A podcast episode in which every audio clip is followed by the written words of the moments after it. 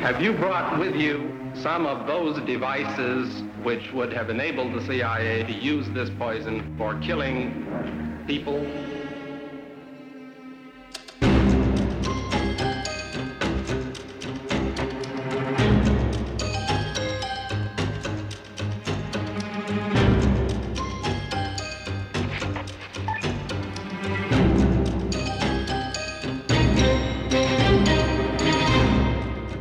Det her er en programserie, hvor vi dykker ned i den del af efterretningstjenesterne, der ligger uden for demokratisk kontrol.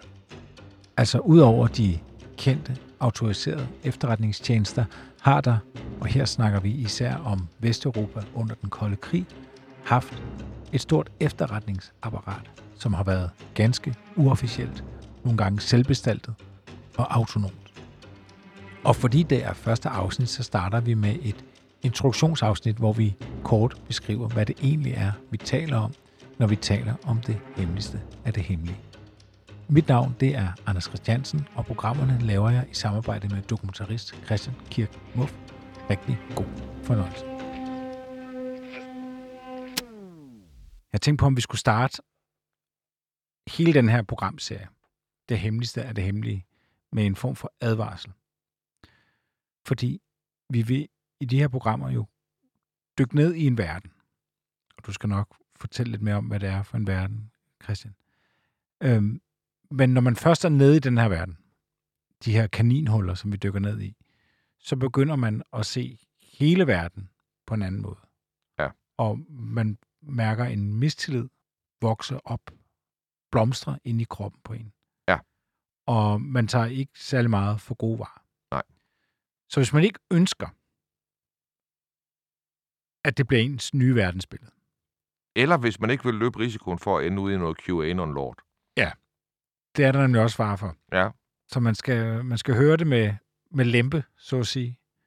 Øh, ellers så skal man holde sig helt væk. Fordi vi, vi kommer til at være, komme ned i en verden, hvor op og ned, og sort og hvid, og højre og venstre, og miau og vov, og alle de her ting. Øh, og man kan ikke tage ting for pålydende. Jamen, og, og det er udfordringen i det. Fordi at, at vi skal også fortælle og, og, om at undersøge, dykke ned, grave i nogle ting, hvor, hvor øh, det er svært at finde kilder, som taler lige ud, øh, øh, og som man 100% kan stole på i alt, hvad de siger. Øh, så vi er også inde et sted, hvor vi hele tiden er nødt til at prøve at deklarere, hvornår står vi på helt sikker grund, hvad ved vi med sikkerhed, Mm. hvad er overvejende sandsynligt, Mm. og hvornår spekulerer vi. Øh, fordi at øh, der vil også være spekulation her, men hele projektet står på god, sikker grund. Ja. Fordi det, det handler om, det ved vi findes. Ja. Vi ved bare ikke helt, hvad det betyder. Nej. Og vi ved ikke helt, hvad det kan. Nej. Og vi ved ikke, hvad det har gjort. Nej. Og vi ved faktisk ikke, om det findes mere. Det er rigtigt. Og, og det vi taler om, og det vi kommer til at have som den helt store sådan paraply, den store overskrift for det, vi taler om, det er jo det, vi kalder stay behind. Og der kan selvfølgelig godt være noget navneforvirring her. Der vil sikkert være nogen, øh, der ved rigtig meget om det, der vil sige, at det her det er ikke stay behind. Men vi bruger det som en paraplybetegnelse for de her grupperinger, en form for hemmelige efterretningstjenester, uofficielle efterretningstjenester, som blev plantet øh, over det meste af Europa efter 2. verdenskrig. Ja, man kan sige, det er den del af efterretningstjenestens, øh, hvad kan man sige, øh, det, det, det er en del af dens organisation, som ligger uden for demokratisk kontrol. Det, det der måske øh, kan være en definition på det. Fordi at hvis, øh, hvis politikerne ønsker at finde ud af, hvad der foregår i øh, FE, FE, Forsvarets Efterretningstjeneste, eller Politiets Efterretningstjeneste, så er dem, der er ansat deri, og dem, der ligesom optræder i arkiver og, og, og på anden måde i skriftlig tilknytning til de organisationer, de er jo under en eller anden, stand, i en eller anden form for statskontrol. Mm. Altså, der er nogen, der kan blive øh, ført til ansvar for, hvad de går og laver i staten, og, og, og dybest set bør politikerne have forestillingen om, at de styrer, hvad der foregår i de organisationer. Men der er jo dele af efterretningstjenesten, som også har planlagt for en situation, hvor der ikke er nogen politikere til at styre. Og hvor de politikere, der måske så styrer i stedet for, øh, er nogen, man ikke vil lade sig styre af. Altså hvis vi nu fik kommunistisk styre i Danmark, hvad ville efterretningstjenesten så gøre? Mm. Øh, hvordan ville man håndtere det, hvis øh, Sovjetunionen havde besat Danmark. Den del af efterretningstjenesten, der så stadigvæk vil være tilbage i Danmark, skjult nu, fungerende under jorden, og som leverer efterretninger til England og USA, eller hvor nu en eksilregering måtte sidde henne. Øh, øh, den del af efterretningstjenesten, det kan vi måske ikke kalde stay behind. Altså dem, der skal blive tilbage, når de onde har taget magten. Og som sagt, så bevæger vi os ind i, et felt her, hvor der er dele, der ikke er særlig velbeskrevet. Men hele grundtanken, hele, øh, hvad kan man sige, ideen stay behind, den er der ikke nogen tvivl om. Der er ikke nogen tvivl om, at det har eksisteret. Og, og det er jo noget af det, som har været en af de største sådan, øh, udfordringer for mig, sådan at prøve at forstå, hvad det her det har været de sidste år, da det er gået op for mig, at Stay Behind fandtes, og hvor stort det egentlig har været. Der er ingen tvivl om, det findes. Øh, det, har, det har været eksisteret i alle europæiske lande, som ikke var en del af Varsava-pakten. Det har bare eksisteret på en måde, som ikke har efterladt sig nogen spor. Eller næsten ikke har efterladt sig nogen spor. Nogle, mm. nogle steder har man ligesom, er det, er det lidt krakeleret. Men, men, øh, men jeg kan ikke sige, om når vi sidder her nu, så ved jeg ikke, om man har at gøre med en organisation, hvor der har været 5.000 mand i Europa, eller 50.000 mand i Europa, mm. øh, som har været trænet til at være stay behind. Men det er den størrelse, vi taler. Mm. Øh, så så det, er, det er også en, det er en stor operation. Altså, stay behind er også argumentet for mig, når folk siger til mig øh, omkring konspirationer, at der er ikke mere end tre, der kan holde på en hemmelighed, så, så de der store konspirationer, de er urealistiske. Så er det, jeg siger, at hør nu her, Stay Behind var fuldstændig ukendt i Europa fra 50, 1950 til 1990. I 1990 står den italienske premierminister frem og bekræfter, at der findes, at der findes et uh, Stay Behind-netværk der i uh, Italien, der hedder Gladio. Ja. Uh, men i de 40 år inden da, har tusindvis af mennesker, flere generationer af mennesker, arbejdet i Stay Behind, uden der er sluppet et ord ud om det. Ja. I, uh, I Danmark, der er det måske bedst beskrevet, i hvert fald uh, for, for den brede offentlighed, i den film, der kom i 2017, der hedder Stay Behind, min farfars hemmelige krig, ja. som øh, vi varmt kan anbefale. Det er en, øh, en, en kvindelig journalist, der, der kigger nærmere på, på sin egen farfars øh, gørnerladen. Ja, hun hedder Ida Grøn, og hun finder sammen med hendes far ud af, at, øh, at farfaren måske har haft et øh, hemmeligt dobbeltliv, og at det måske kan forklare, hvorfor han har sovet med en pistol under hovedpuden til langt op i 80'erne, mm. hvilket jo også er, er ret vildt. Ikke? Og så finder de sammen ud af, blandt andet ved at lave nogle, øh, hvad jeg fandt dybt fascinerende, lave nogle undersøgelser af jorden op i farfarens øh, sommerhus, og hvor de så kan konstatere, at han ganske som de havde forventet og har hørt rygter om, så har han pløjet mørtel ned øh, på grunden, og han har ryddet træer, der gør, at han har en landingsbane, der kan bruges af tunge øh, bombefly og tunge transportfly, altså Herculesfly, øh, op i Nordjylland. Så i, i virkeligheden, så det farfaren har bygget i det, der for Ida var et øh, idyllisk øh, sommerferie det var i, øh, i skjul også en hemmeligt brohoved, som de allierede kunne bruge til at genindtage øh, Jylland med og Europa med, hvis russerne havde indtaget det hele. Og så har vi jo også øh, stødt på det øh, rundt om i, i resten af Europa. Du nævnte, jeg synes kort vi lige bliver nødt til at, at, at snakke lidt mere om Italien. Ja. Øh, og vi skal nok vende tilbage til italiensk Stay Behind. Det er en helt, øh, et helt særligt kapitel. Ja. Du nævnte 1990 og, og Italien. Hvorfor siger du det? Jamen, i Italien øh, sker der det, at der bliver Stay Behind eksponeret, fordi at de begår... Øh, det lader til at være fuldt bevist nu. De er i hvert fald er Stay Behind involveret i planlægningen og, og cover-up af nogle øh, terrorangreb man begår mod civilbefolkningen i Italien, og så giver man skylden til de kommunistiske terrorister, de røde brigader. Og det er simpelthen et forsøg på at påvirke øh, befolkningen i landet.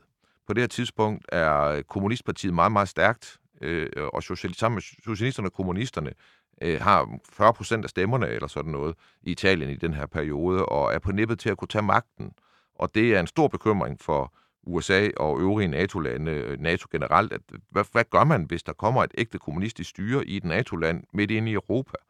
Øh, så, så det gør man det yderste for at bekæmpe, blandt andet ved at begå de her falske flagangreb, hvor man dræber civilbefolkningen med terrorangreb og giver kommunisterne skylden. Og derved ligesom øh, forsøger at plante en historie om, at kommunisterne er, er voldelige, og, og, og hvis der bliver en kommunistisk magtovertagelse i landet, så vil det kunne føre til et diktatur, hvor man bruger vold. Mm. Og, og det er den sag, der sådan eksploderer øh, ud i offentligheden i 1990. Der er en undersøgelsesdommer, som bliver ved med at undersøge den her i overvis, den her sag, og på et tidspunkt konstaterer han, at selvom politiet sagde, at det var kommunistisk dynamit, der blev brugt i et af de her terrorangreb, så kan han konstatere, at det rent faktisk var NATO-dynamit. Og han kan derudover se, at den politibetjent, som stod for de tekniske undersøgelser, han står i hemmelig forening med nogen i efterretningstjenesten, som igen står i hemmelig forening med en anden organisation, som den her undersøgelsesdommer øh, øh kommer til at kende som Gladio. Og det fører til, at han lægger så meget pres på den italienske regering, at Andreotti er nødt til at gå frem på talerstolen og sige, det er sandt, det her. Han, han begrænser skaden ved at fortælle så lidt som muligt om, øh, om hvad Stay Behind virkelig er, øh, også i Italien. Men det betyder, at Italien er det første land, hvor man hvor regeringen anerkender, ja, vi har et hemmeligt efterforskning, eller efterretningsnetværk, som er aktivt i vores land, som ligger uden for demokratisk kontrol.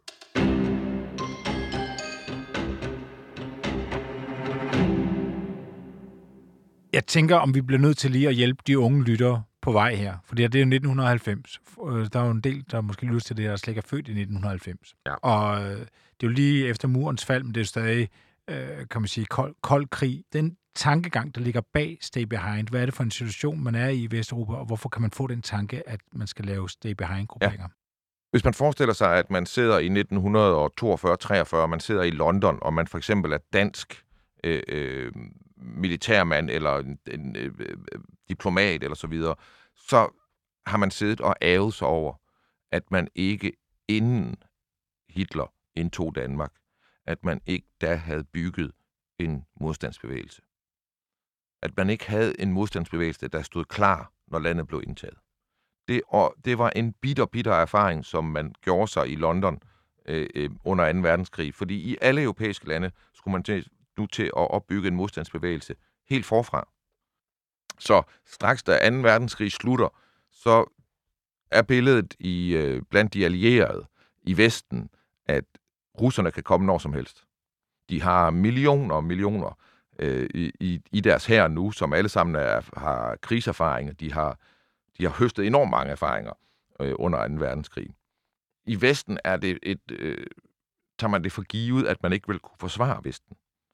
Altså hvis russerne virkelig vælter ind, så regner man med, at de vil kunne tage hele Europa. Mm.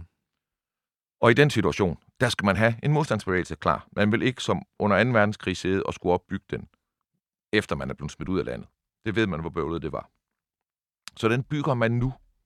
Øh, øh, og i mange lande med afsæt i den modstandsbevægelse, der sådan set var blevet lukket ned efter 2. verdenskrig, der blev øh, det, man kan sådan sige, den, de nationale, højborgerlige dele af modstandsbevægelsen, de blev lidt aktiveret igen, mm. og blev prikket på skulderen og sagde, hvis, når russerne kommer, er I så klar til at fortsætte kampen. Og hvem prikker folk på skulderen?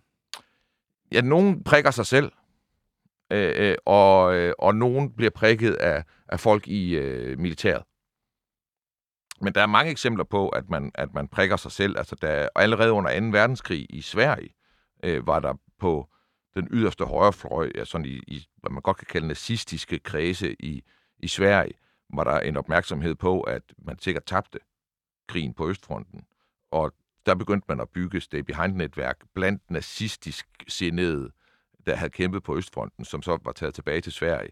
Mm. Og når russerne nu kom snart, så skulle de være en, en Stay Behind, øh, en selvbestaltet Stay Behind-gruppe. Ikke? Ja. Så i tiden efter 2. verdenskrig, der er der flere selvbestaltede grupper. Der er også nogle grupper, der bliver startet af efterretningstjenesterne eller militæret i de forskellige lande. Men fra omkring 50 bliver det, begynder man at koordinere det øh, på, øh, så på NATO-plan.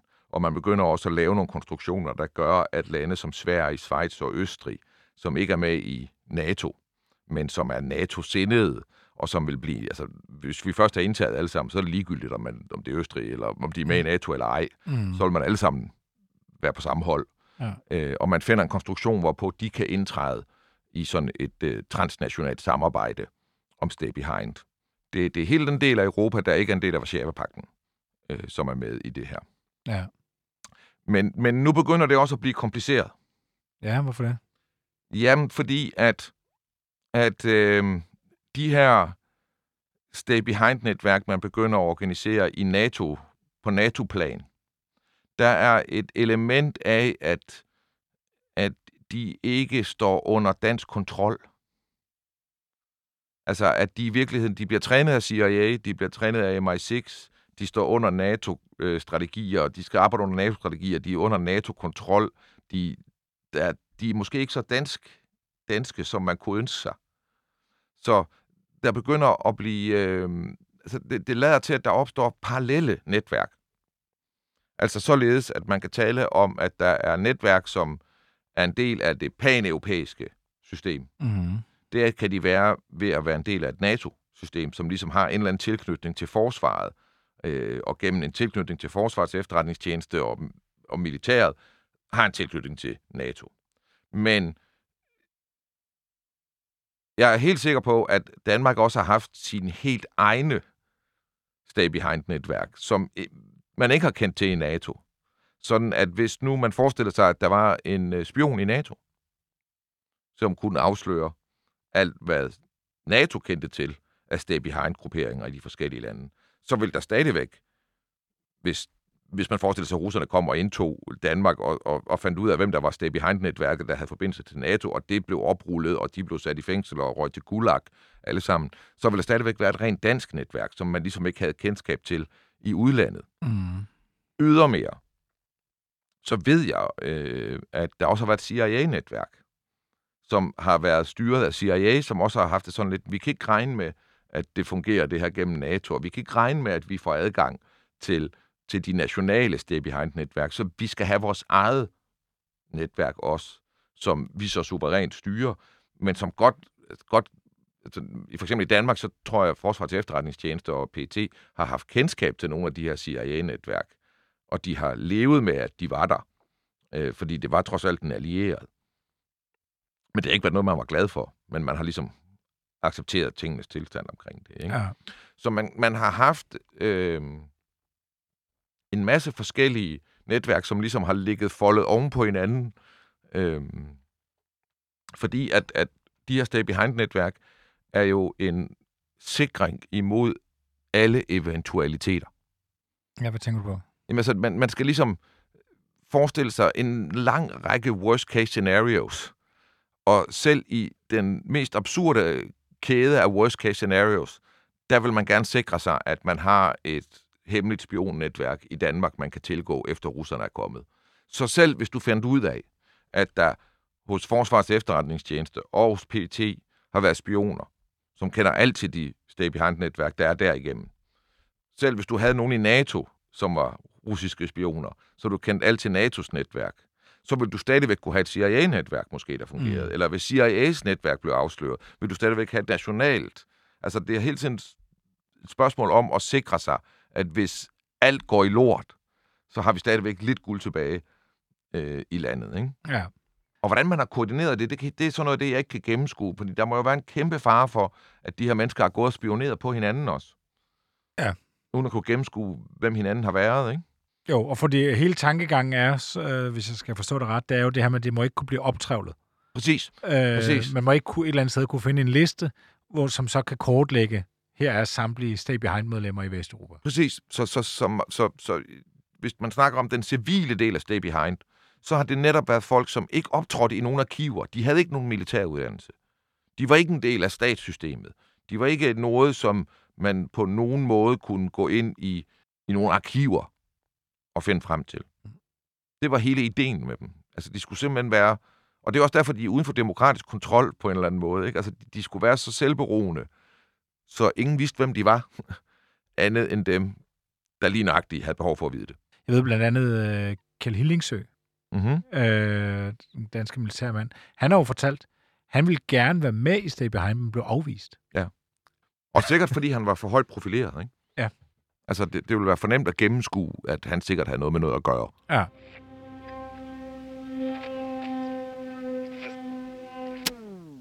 Hvis man overhovedet kan sige noget generelt om de her netværks arbejdsopgaver. Altså, den oprindelige opgave for Stay Behind-grupperne har været øh, informationsindsamling og eksfiltration. Det vil sige, øh, forestil, ja, man skal forestille sig, at hele Europa er blevet besat af øh, kommunisterne, øh, eller at det meste af Europa er blevet besat, måske af Vesten eller de allierede magter stadigvæk på den iberiske halvø, eller sådan et eller andet, men, men, eller i England. Øh, og, og der er et behov for at vide, hvorhen er troppekoncentrationerne i Europa fra kommunisterne? Hvorhen har de, hvordan flytter de rundt på? Hvor bygger de havne henne? Hvad foregår der i det hele taget i det land, som kommunisterne nu har besat? Der skulle de her stay behind-grupper, de skulle være informationsindsamlere. Mm. Hvem, hvem er nu den nye regering? Hvem er de reelle magthavere i Danmark? Hvor, hvor hører de til henne? Ja. Hvor, hvor, øh, hvor ligger flåden, den russiske flåde hen? Øh, hvorhen øh, kører de cement hen? Fordi der er de sikkert ved at bygge en kæmpe bunker. Øh, øh sådanne informationer skulle de samle ind, de her folk. Det vil sige, at en stor del af Stay Behind-verdenen, den handler også om radioer. Altså, det, det er øh, sådan nogle øh, højteknologiske radioer, de har haft i forhold til nutidens smartphones og så videre. Så er det jo helt til grin, det ja. udstyr, de har med at gøre. Men i datiden var det virkelig græs. Og der skal forestille sådan en kuffert størrelse, øh, øh, en radio, som øh, med alle mulige krystaller og dekrypteringsudstyr og så videre, var i stand til at dekryptere det, du siger, og så sende det i 8.000 kilometer. Mm.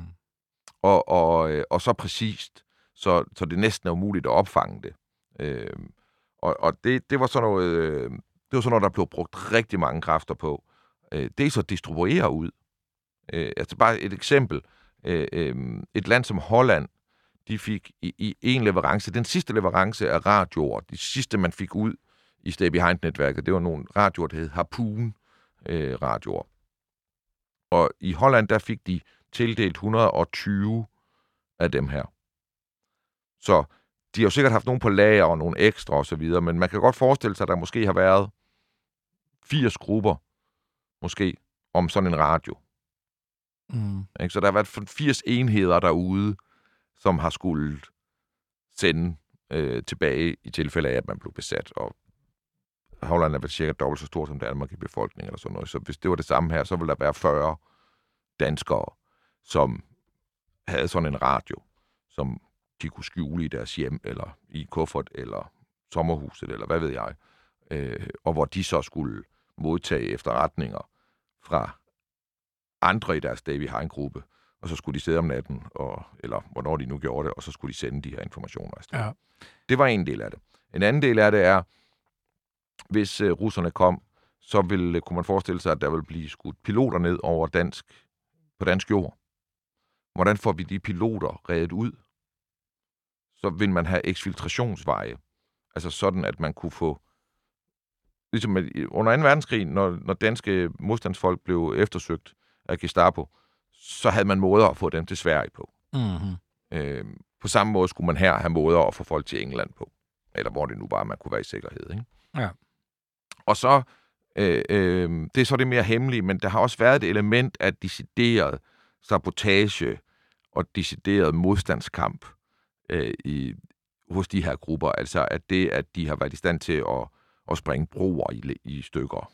Øh, og også, at de har været i stand til at kunne likvidere fordi at øh, man ved, at i Stay Behind-universet har man også snakket om, at Stay Behind for alvor vil træde karakter i ugerne inden en invasion. Mm. Altså, hvis vi nu ved, at russerne kommer lige om lidt, så kunne det jo godt være, at det ville være ret smart for os, at vi fik samlet alle dem, vi troede var russiske spioner, øh, eller kommunistiske hvad hedder det, øh, følgere, at vi fik sat dem i en arbejdslejr, så hurtigt som muligt, eller fik dem likvideret, skaffet af vejen, så de ikke falder os i ryggen, når krigen mod kommunisterne begynder. Ja.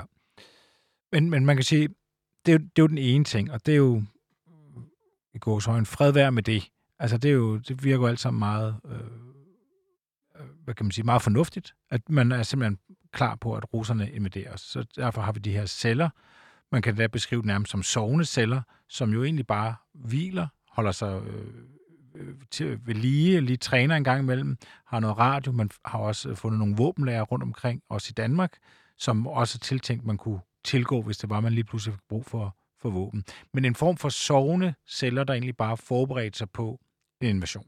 Ja. Men jeg kunne også godt tænke mig, at vi lige bevæger os ind i den del, som måske ikke er så tryg. Øh, nemlig, at de fik jo ikke bare tiden til at gå med at, at puste deres antenner og deres gevær. Hvad, hvad lavede de? Ja. Også under den kolde krig, øh, sådan var mere, hvad kan man kalde det, proaktivt. Ja, og, og det er jo der, det er her, det virkelig bliver kontroversielt. Det lader til, at efterhånden som den umiddelbare fare for en russisk invasion, stormløb mod Europa, den forsvinder. Det er sådan op i omkring 55 med udviklingen af taktiske atomvåben osv. Der begynder man ligesom i, øh, i Vesten at neddrosle forestillingen om, at man lige pludselig bliver løbet over inden. Øh, og, og, og det bliver et mindre sandsynligt scenarie. Det er der stadigvæk. Men, men det er mindre sandsynligt, og de er jo i hvert fald ikke kommet endnu, russerne, mm. øh, da vi når op sidst i 50'erne. Og det lader til på det tidspunkt, at, at øh, den her store ressource, som Stay Behind er, altså øh, flere hundrede mand i hvert land minimum, som er toptrænet, mm. altså, og de er blevet virkelig trænet. På et tidspunkt, der tror jeg, man er blevet, man er kommet til at kede sig. Øh, øh, og, og man har måske også ændret risikobilledet i, i Europa, fra at risikoen er, at vi bliver løbet over ende af en stor hær, så er det måske mere, at en femte kolonne vælter et land. Altså for eksempel som Italien. At det kommunistiske og socialistiske parti, de bliver så stærke, at de tiltrækker så stor en del af befolkningens stemmer, at de af demokratiske veje bliver kommunistiske. Og der er det vigtigt lige at holde sig for øje, at noget af step Behind der er fra starten, så er det stærkt antikommunistisk. Så hvis, selv hvis kommunister kom til af demokratiske veje, så vil det være en løgn, hvis du så på det med step Behind-øjne, og den, den logik, der er i Stay Behind. Så kommunister, de kan ikke vinde et demokratisk valg på andet end på løgne. Mm. Og den virkelighed, der venter befolkningen efter øh, et, et kommunistisk øh, magtovertagelse ved demokratisk vej, det vil stadigvæk være diktatur. Så det vil være noget, man vil kæmpe imod, selv hvis det vil ske. Så vil man netop blive modstandsbevægelse mod en demokratisk valgt kommunistisk ledelse. Ikke? Ja. Men, men man begynder simpelthen at, at bekæmpe femte kolonnen.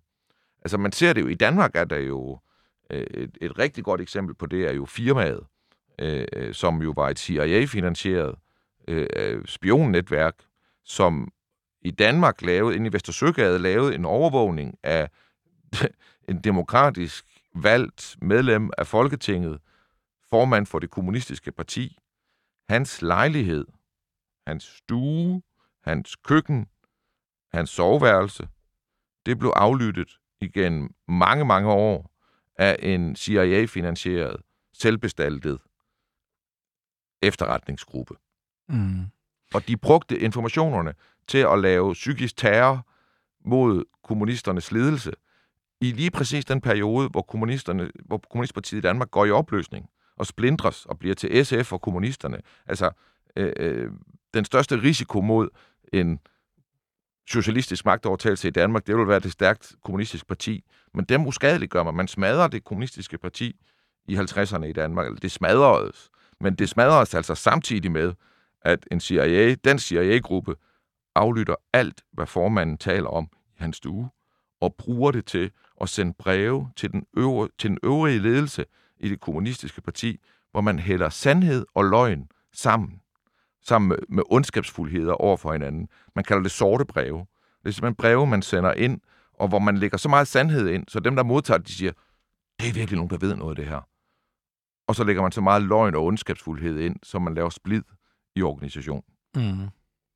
Og det lader altså til, at det lykkes. Øh, I hvert fald bliver Kommunistpartiet opløst i samme periode, som man overvåger. Ja.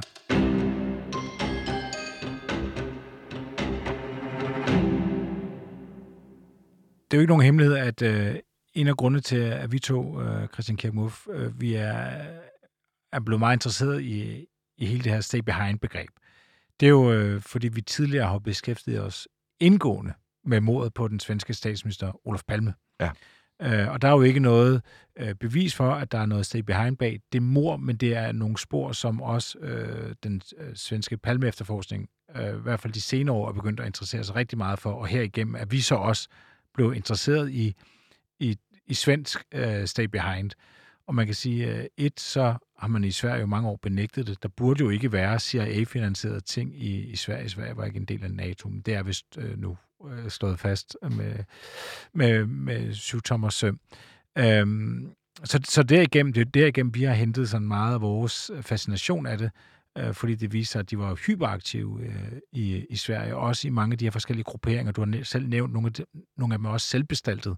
Altså simpelthen nogle, nogle bedsteborgere, øh, der er egen fri vilje, øh, pålægger sig en opgave at, at holde øje med kommunistiske bevægelser ja. i, øh, i Sverige. Ja. Og vi har jo også den store skandale i Sverige, øh, her tænker jeg på IP, ja. som jo også en eller anden måde afslører rigtig meget, øh, hvad det er, øh, vi taler om, som jo egentlig også var en, en mærkelig størrelse, øh, IP.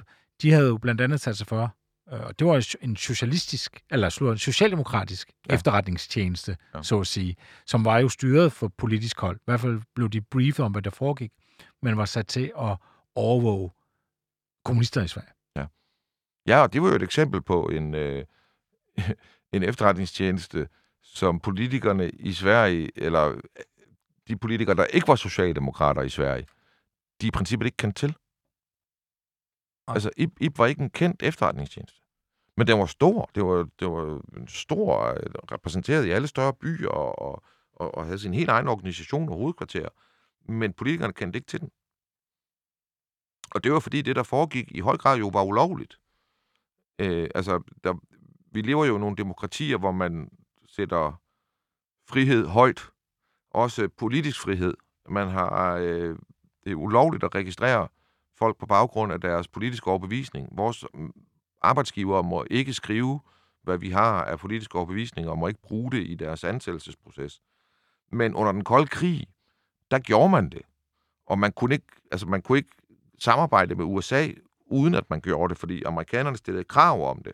Altså, arbejder du på en fabrik, der leverer til våbenindustrien, så vil du blive undersøgt i hovedet røv, i, også i din politiske overbevisning. Men lovene i mange lande, for eksempel i Danmark, forbød politiet at gøre det der. Så hvad gør man så? Mm. Så outsourcer man den opgave til en af de der selvbestaltede grupper. Så får man en selvbestaltet gruppe til at bygge et arkiv, hvor man overvåger alle kommunisterne. Og så sender man forspørgseler til dem, når man skal tjekke baggrunden på en eller anden, der gerne vil have et job i Rigsarkivet, eller som stenograf i Folketinget, eller sådan et eller andet. Ikke? Ja. Ja, så man får nogen til at lave det beskidte arbejde, det ulovlige arbejde for en, og man vil faktisk ikke helst vide, hvordan øh, Præcis. Øh, og hvem, der, der gør det her. Præcis. Men man, vi... man finder nogen, man kan stole på, tror man, og så beder man dem om at løse opgaven, og jeg ønsker ikke at vide mere, jeg vil bare gerne have resultaterne. Ja. Har vi egentlig en idé om øh, de mennesker, øh, som bliver en del af de her stay behind-netværk, altså hvilken baggrund har de? Jamen altså, det, det er... Øh, Ja, det er også en vild situation, fordi at det er forskelligt fra land til land. Øh, I Danmark, som jeg kender det, har vi i Danmark været velsignet af, at vi under 2. verdenskrig, øh, hvor vi jo blev besat, øh, og det, at vi blev besat af nazisterne, det betød, at en del af den danske modstandsbevægelse var jo socialistisk, kommunistisk baseret i, i BOPA. Øh, men der var også en del som, øh, af modstandsbevægelsen, som var nationalkonservativ, mm. højreorienteret, øh, borgerligt funderet. Øh, og den del af modstandsbevægelsen, øh, de, de havde dels kæmpet mod nazisterne, men de havde også en meget stærkt antikommunistisk øh, øh, opfattelse af verden. Og der rekrutterede man i de første år i Danmark i det netværk. Mm. Det var lidt sværere i nogle af de andre lande. For eksempel i Tyskland. Der var der ikke så mange højborgerlige øh, nationalsindede, som ikke også havde været nazister, og som dybest set ikke også havde været en del af alle de forbrydelser, nazisterne havde begået. Men det så man stort på, og så rekrutterede man Stay Behind-netværkene i nazistiske kredse. Blandt andet af den to praktiske årsager, at man vidste, at nazister er de mest overbeviste antikommunister. Det var nummer et. Mm. Og nummer to var, at så længe, at, øh, når CIA og MI6 de nu vidste, at de her folk havde været kommunister og været en del af, eller na, na, hvad det, øh, nazister og en del af krigsmaskinen i Tyskland, så havde man jo også noget på dem. Så det var også sådan, at hvis man nu, du ved, gav dem for meget tillid, og de så svigtede tilliden, så havde man jo noget at presse dem med. Mm. Altså, der var noget, der var, du ved, man følte sig sikre ved dem, for ellers kunne man eksponere deres nazistiske fortid. I Sverige var det lidt på samme måde. Øh, altså, der var nogle af de første Stay Behind-netværk, det var, øh, det var nazistiske netværk baseret på øh, Waffen-SS-soldater, der havde været frivillige ved Østfronten, hvor altså, svenskerne havde mange, mange tusind mand på Østfronten. Øh, og, og det var blandt dem, man rekrutterede Ja. i starten. Altså, i Sverige har den, og det er jo godt, at, vi- at du lige skal forklare det. Sverige er jo under 2. verdenskrig den lidt øh, specielle situation, at der er mange svensker, der vælger at altså, blive Finlands frivillige. Ja. Øh, og simpelthen kæmpe for finderne mod russerne. Russerne er fjenden. Og det er jo historisk set i århundreder været, været svenskernes primære fjende. Så, ja. så i den situation, de er i 2. verdenskrig, så er deres, deres fjendes fjende, det er deres ven. Og deres fjendes fjende, det er nazisterne. Ja. Så der er mange, der bliver finlandsfrivillige og kæmper øh, på den måde, men der er også rigtig mange, der bliver Waffen-SS. Altså som, som mange tusind. Ja. Øh, som, som går fuldt Altså- ind i den tyske her. Ikke? Ja. Ja. Og så kommer tilbage igen. Men, men, øh, men det betyder, at, at stay behind-netværkene i de forskellige lande er øh, øh, alle steder rekrutteret i stærkt antikommunistiske kredse. Og i nogle lande har det betydet, at der har været et meget stort overvægt af meget højere radikale. Meget, meget højere radikale øh, medlemmer. Og det kan man også se øh, på den måde, at på nogle af de her øh, dag 0-lister, som de bliver kaldt. Altså Stay Behind havde i, øh, i Tyskland, i hvert fald, og jeg, jeg er ret sikker på, at de havde, de, eller de havde den i andre lande også. Jeg har bare ikke hørt den benævnt på samme måde som i Tyskland. Men i Tyskland, der havde man en strategi, der hed tidlig blod. Tidlig blodstrategien. Og det var, at man ville kunne spare en masse blod senere hen i krigen mod, Rus, mod kommunisterne, hvis man i ugerne og dagene inden krigen brød ud, internerede alle de her politikere og kulturpersonligheder, alle mulige, som man følte kunne være på kommunisternes side. Hvis man skaffede dem af vejen tidligt, så kunne man spare blod sen, øh, senere. Det var tidlig blodstrategien.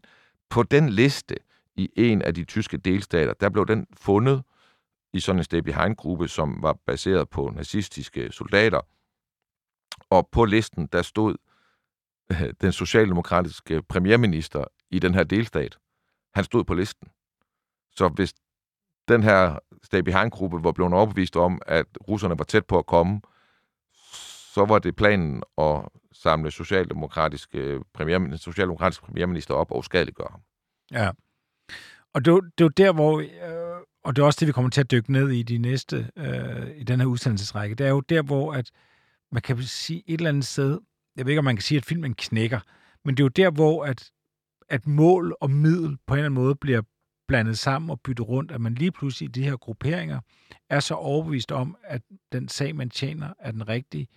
Øh, det er jo øh, vestens frihed, det handler om. At man faktisk går på kompromis med vestens frihed, at man er faktisk villig til at øh, likvidere eventuelt et statsoverhoved. Og det er det super spændende paradoks i kernen af Stay Behind, som er, at på den ene side, så opfatter de her Stay Behind-folk lidt som helte. Altså nogen, som viger deres liv til at kæmpe for vores frihedsrettigheder og være Mm. klar til at gå imod et af de mest uhyggelige diktatoriske styre, man kunne forestille sig. Kommunistiske øh, styre Ja. under den kolde krig. Øh, Men de påtager sig også at beslutte, hvornår de må opføre sig ligesom fjenden, for ikke at være, for at vi ikke skal blive ligesom fjenden. Ja. Forstår du? Altså, de bliver, de påtager sig at blive monstret på vores vegne, Ja.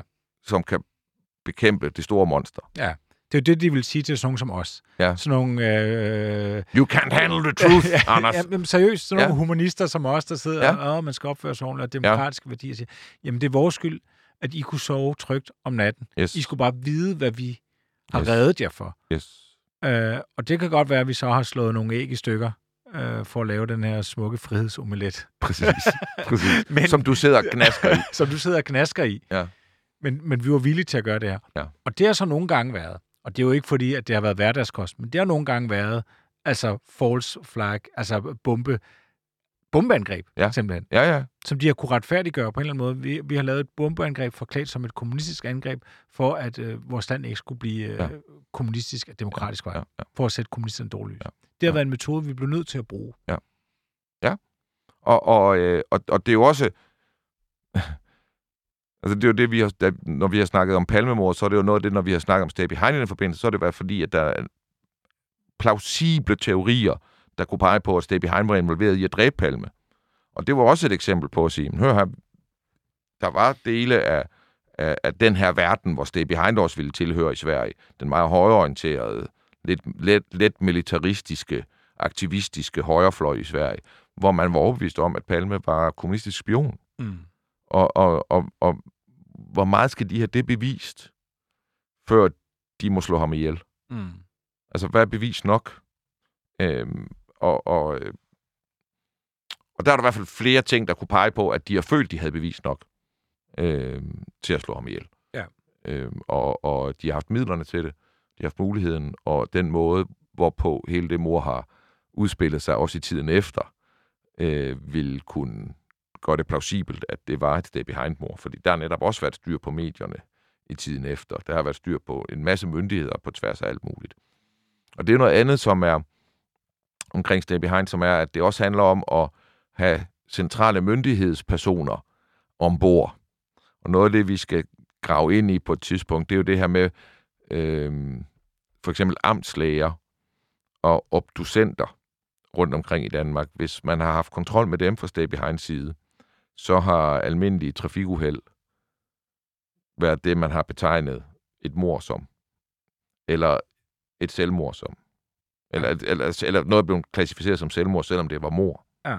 Ikke? Altså, hvis, hvis man har... Og det er også... Og, og nu er vi inde ved kernen i problemet ved at fortælle om det her, det er, at vi dybest set er ved at skabe sådan en, en hemmelig organisation, som kan få netop sort til at blive til hvid. Ja. Og få miau til at blive til vov. Ja. og få et mor til at blive til et selvmord. Ja. Nu, ja, nu, nu er det, det begynder at blive... Øh... Ja, nå, men, men, men netop. Altså, sådan er det virkelig. Men, men man skal også forestille sig, at hvis man nu havde den magt, at man kunne få sådan et system op at køre, ja. og man virkelig frygtede, at kommunisterne kunne overtage magten, ville man så ikke bygge det? Og, og, og, og noget, som jeg har, når jeg kigger ind i alt det her, som jeg også skal have med, og det er noget af det, der gør, at selv de mest udknaldede tanker omkring det her, kan man ikke bare kaste bort, det er, at det her kommer fra CIA. Og CIA, skal man, det er så vildt. Øh, CIA er så stort et begreb nu. Altså, det er sådan hverdag, alle kender det. Vi tænker, de er overalt, og det er kæmpe store og sådan noget. CIA fandtes jo ikke før 1948. Amerikanerne havde ikke nogen udenrigs øh, efterretningstjeneste. De havde intet før efter 2. verdenskrig. De har aldrig troet, at det var vigtigt for dem at vide, hvad der foregik i enten i Mexico og i Canada. Øh, og pludselig finder de ud af, hey, vi skal virkelig ud og have bygget os en global efterretningstjeneste. Og så bygger de en global efterretningstjeneste, som fra starten har så mange ressourcer, som en efterretningstjeneste nogensinde har haft. Altså, de bruger en milliard dollars på telekinese, altså på at, at researche det. Så bruger de en milliard dollars på at researche i LSD som sandhedsserum. Ja. Du ved, altså, de kan bare kaste penge på ting. De har uanet mandskab, og de står på den stærkeste militærmagt øh, der lige har vundet 2. verdenskrig. Og så kaster de sig bare ud i det, som sådan nogle hillbillies fra Kentucky, der kommer ind i sådan en øh, øh, raffineret efterretningsverden, hvor englænderne har siddet med tekoppen og lillefingeren ja. stridende, og russerne har haft 200 års erfaring med efterretningstjenester og så videre. Ikke? Og så kommer de her højt råbende cowboys med, med våben og penge. Og så giver de den så meget gas. Øh, og i øh, 40'erne og 50'erne, der laver de jo kups øh, i Venezuela, i øh, Iran og i alt muligt, der går, hvad hedder det, CIA ind, buller afsted med en eller anden hemmelig øh, cowboyplan, og så indsætter de en ny regering. Mm-hmm. Og de lykkes med det. Og det er, altså, det er øh, kæmpe succeser, som jo betyder lige pludselig, at det vælter ind med olie. Altså de, fra Iran, der redder de olien, ikke?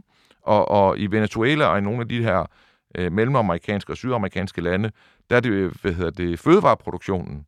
United Fruit, øh, de her, der laver bananer og, og så videre, øh, de største amerikanske frugtselskaber, de, de er en til en dem, der vinder på, at de laver de her øh, magtovertagelser i de her lande, som er noget, CIA står bag. Ikke?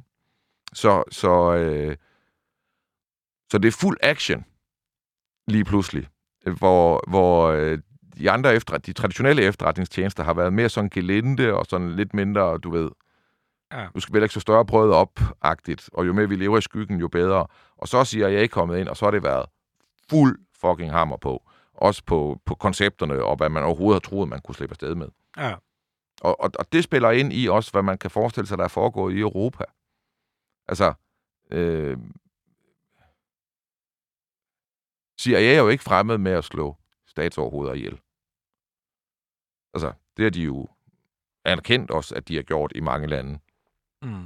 Og der er jo to, øh, bare sådan i nyere tid, altså i 80 og i 86, bliver der slået socialdemokratiske premierminister ihjel i Europa. Øh, vi ved, at Palme bliver myrdet. Den portugisiske premierminister, han styrter ned med et fly. De har haft mere end 10 parlamentariske undersøgelser af, hvad der egentlig foregik. De endte med at konkludere, at der var en bombe ombord, og de folk, der byggede bomben, har erkendt, at de har gjort det, og har fortalt CIA, at jeg finansierede det. Så det er ikke umuligt at forestille sig, at, at nogle af de her vildere ting, som foregik i tiden efter 2. verdenskrig, at de er foregået længere op i tiden, og det ikke kun er foregået i Sydamerika og Mellemamerika og Afrika, men det kan også meget vel have foregået i Europa. Og så er det jo, at øh, det her, vi skal vende tilbage til den advarsel, der var i starten af programmet. Præcis. Øh, fordi når man dykker ned i det her, og, og det, må du, det må vi jo også snakke om, Mm. at du kan jo både se, forstå nogle mønstre, Mm. forstå, hvordan kan det være, at tingene hænger sådan sammen. Nå, det er fordi, vi kender til det her øh, Mm. netværk, vi kender til hele ideen omkring det her med, at der er nogen, der opererer i, i skyggerne, og det er meningen, mm. og, Mm. det, og det er beskrevet. Men du kan vel også komme til at se nogle mønstre, som ikke er der. Forfærdeligt meget. Altså, det, det, men det der... Det, åh. Nå, Jamen, jamen, jamen, og det er så forfærdeligt, fordi at, at de lever jo af, at vi ingenting ved om dem. Ja. Og de lever af at lave misinformation. Så når man skal ned i det her, så skal man... Øh, altså, man skal sådan spille 4D-skak. Ikke? Altså, det er, øh, det er både i tid og rum. Jamen, for eksempel, når du nævner det med, med lægerne, at det er godt at have øh, nogle læger med ombord, mm. Mm. så ved jeg tilfældigvis, at øh, et af de netværk, øh, som, som Stay Behind i Danmark er bygget ovenpå, det er faktisk meget tidligere. Det er noget, man har allerede fra omkring 1. verdenskrig, som øh, Forsvars efterretningstjeneste havde et netværk af informanter, Mm-hmm. Øh, som man hele tiden kunne få at vide, hvad fanden sker der rundt omkring i Danmark. Ja. Og det var ofte læger, Mm. altså danske læger, der var i centrum i Mm. de her øh, grupperinger af informanter, Mm. som så øh, meldte ind til Forsvars efterretningstjeneste, hvad de nu havde lagt mærke til. Øh, blandt andet fordi det selvfølgelig var velbegavede og højt uddannede mennesker, men de havde jo også en stor kontaktflade. Ja. Øhm, Præcis. så noget af det danske efterretningsnetværk, øh, den- det bygger faktisk på, på læger. Præcis. Øh, så, så, og så når du siger det der med, at det er godt, så begynder jeg at tænke, det lyder jo ikke helt så tosset Nej, nej. at du siger det med lægerne, og og de kan lave et, et, et biluheld, eller et mor om til et biluheld, og så videre, og så videre, ikke? Præcis. Og så, øh, Ja, ja, og, og, og, og, og som igen, igen, jeg er nødt til hele tiden at sige sådan nogle ting, som, at, som jeg forstår det. ja, Som jeg forstår det, så øh, lederen af det, den del af Stay Behind i Danmark, som var en til en CIA-finansieret, han var overlæge, og øh, han hedder ikke Husfeldt, og jeg håber, vi kommer tilbage til ham. Det gør vi. Ham skal vi snakke om. Han er sådan en dansk James Bond. mm. Øh, og øh, han grundlagde blandt andet anestesilægeuddannelsen i Danmark, det vil sige bedøvelseslægerne. Dem, der, dem, der specialiserer, specialiserer sig i at bedøve folk. Øh, dem uddannede han. Han var den første, der han startede den uddannelse. Og øh, hans første kul af læger var der i hvert fald en, der var involveret i Stay Behind. Og jeg er sikker på, at nogle af de andre også var det. Det har jeg ikke kunnet øh, grave mig ned i. Men men det vil sige, at øh, der har været et netværk i Danmark blandt anestesilæger. Det er jeg helt overbevist om. Der har også i Danmark, og det ser man i, i, i der Grøns film, øh, været sådan et, øh, hendes farfar for tandlæge. Og, og det hold, han blev uddannet på i USA som tandlæge, eller Canada var det måske, øh, det tyder på, at hele det hold af studerende fra hele verden, at det i virkeligheden var Stay Behind-ledere, der blev uddannet, samtidig med, at de fik en tandlægeuddannelse. Og hvorfor er det smart? Det er jo skide smart. De kan jo bruge øh, altså, anestesilæger. De kan bedøve folk, få dem væk. De kan dræbe folk, uden du aner det. Altså, det er jo, det er jo virkelig, virkelig smart. Og en tandlæge er altså også ret smart, hvis du skal interviewe en eller anden, om et eller andet, han ikke har lyst til at blive interviewet om. Jamen, det er jo rigtigt. Nå, men altså, jeg mener, hvis du, hvis du tænker over, hvad, hvad de kan og hvad de har adgang til, så tænk over det næste gang, du skal til tandlægen. Vi skal til at runde det her introduktionsafsnit af. Øh, det her det er jo det første udsendelse øh, i, øh, i vores række, der hedder Det Hemmeligste af det Hemmelige. Vi skal også vende tilbage til, hvorfor vi lige præcis har valgt det her navn til udsendelsen. Det er der en helt specifik og god historie til. Men, men Christian, kan du ikke bare lige lave sådan en, en bagteaser her? Altså, hvad, hvad kan lytterne forvente, hvis de, hvis de hænger på? Altså, jeg kommer ikke til at føre beviser, der kan holde i en dansk ret, men jeg kommer til at argumentere meget stærkt for, at et trafikuheld uden for Aarhus i 79 var et drab. Mm. Et organiseret drab. Øh, vi skal snakke om øh, Gladio i Italien, hvor øh, i sommer fortalte den italienske premierminister, at de nu offentliggør alle dokumenter relateret til Gladio. De er i øjeblikket nu ved at blive gennemgået for Altså, de bliver anonymiseret, øh, og det foregår i et ryg. Øh, så på et tidspunkt her, vinter eller forår, så bliver de der arkiver åbnet, og det øh, er vi mange, der er spændt på, fordi der, der, der kunne godt ligge nogle ting, også om hvad der er foregået i andre lande mm. øh, af de her ting. Og så i det hele taget se, om man kan få endelig bekræftet, at øh, hvordan Gladio hang sammen, og om at de havde ansvaret for, for den her række af terrorangreb øh, i Italien i 70'erne. Vi skal også en tur til Portugal og kigge på det her premierminister-uheld, hvor der var en dansk kvinde med, da han døde. Der var fem ombord på flyet. En af dem var en dansk kvinde, Snu Seidenfarten, søster til tidligere chefredaktør på Politiken, Tøre Seidenfarten. Ja. Hun var ombord. Det skal vi grave os ned i. Vi skal prøve at forstå øh, i Tyskland, øh, hvor de har haft nogle, øh, nogle sager, som for offentligheden at se har været meget mistænkelige øh, oktoberfestbomben i 1980 og den manglende opklaring af det. Men også prøve der at snakke om, hvordan kunne Stay Behind se ud nu? Hvad oplever man lige nu i Tyskland, hvor man har måttet nedlægge en øh, elitekorps i politiet og en hel bataljon i militæret, fordi at øh, hemmelige nazistiske organisationer havde infiltreret dem.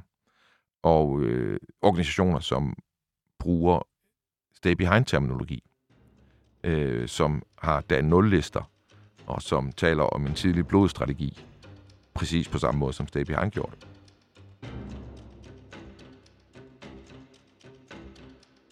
Du har lyttet til første afsnit af Det Hemmeligste af det Hemmelige. I studiet var dokumentarist Christian Kirk Muff, og mit navn det er Anders Christiansen. Tak fordi du lyttede med.